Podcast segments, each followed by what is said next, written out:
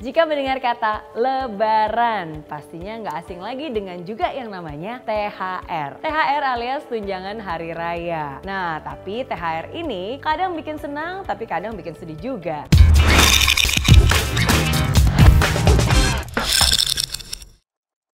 Senang karena dapat uang tambahan, tapi sedih karena singkatnya kebersamaan kita dengan THR tersebut. Kalau THR dan dompet bisa berbicara, mungkin dompet akan berkata, THR,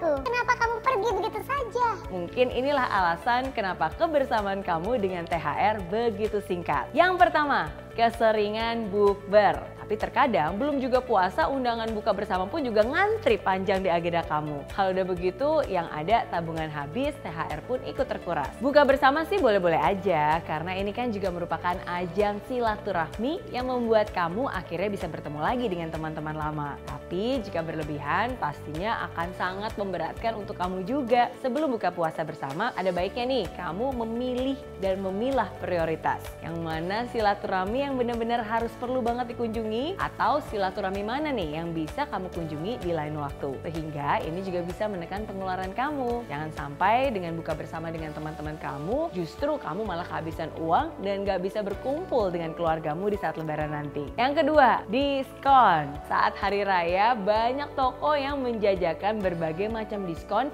yang membuat kita semua suka lupa diri. Belum lagi identik nih dengan semua barang serba baru saat hari raya. Kadang membuat kita kalap. Nah hal ini inilah yang juga kadang membuat kamu menyesal pada akhirnya saat uang THR habis tidak bersisa. Boleh-boleh aja sih membeli baju baru, tapi ingat belanjalah sesuai dengan kebutuhan bukan hanya karena semata keinginan. Yang ketiga, gonta-ganti gadget. Nah ketika mendapatkan uang THR rasanya gatal banget nih jika nggak dibelanjain. Gadget kamu yang tadinya biasa-biasa aja tapi tiba-tiba kamu merasa wah kayaknya udah nggak up to date lagi di pasaran. Lumayan nih bisa untuk pamer di depan keluarga saat lebaran nanti. Nah tapi tunggu dulu ya, coba pikir-pikir lagi apakah gadget kamu itu sudah rusak sehingga harus benar-benar diganti yang baru atau karena tergiur karena megang uang banyak dan kamu merasa mampu untuk membelinya. Daripada gonta-ganti gadget, ada baiknya juga uang kamu ditabung untuk kebutuhanmu yang tidak terduga di masa depan. Hal keempat, membayar kartu kredit. Fasilitas mudah dengan membayar tanpa uang memang sangat menggiurkan. Ditambah lagi-lagi diskon menarik dari kartu kredit pun rasa-rasanya sayang banget untuk dilewatkan. Namun jika kebiasaan ini diteruskan, yang ada sekali lagi nih, THR kamu pun pun pasti akan hilang seketika. Setiap tahunnya hanya bisa kamu gunakan untuk bayar tagihan kartu kredit. Nah, kalau nggak mau, mulai tahun ini stop berhutang ya. Sehingga uang THR kamu yang kamu dapatkan bisa juga kamu tabung dan juga kamu investasikan untuk masa depan. Hal kelima,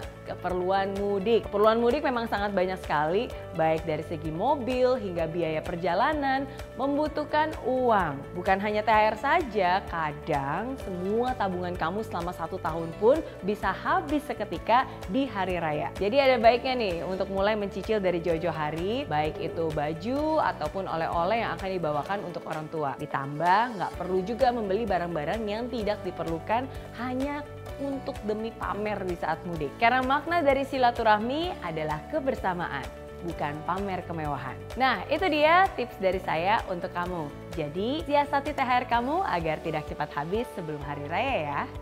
Oke? Okay?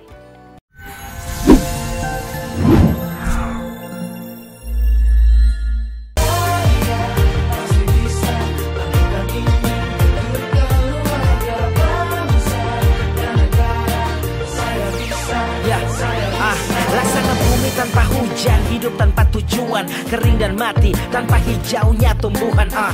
Demikian kalau mimpi tak kunjung terjadi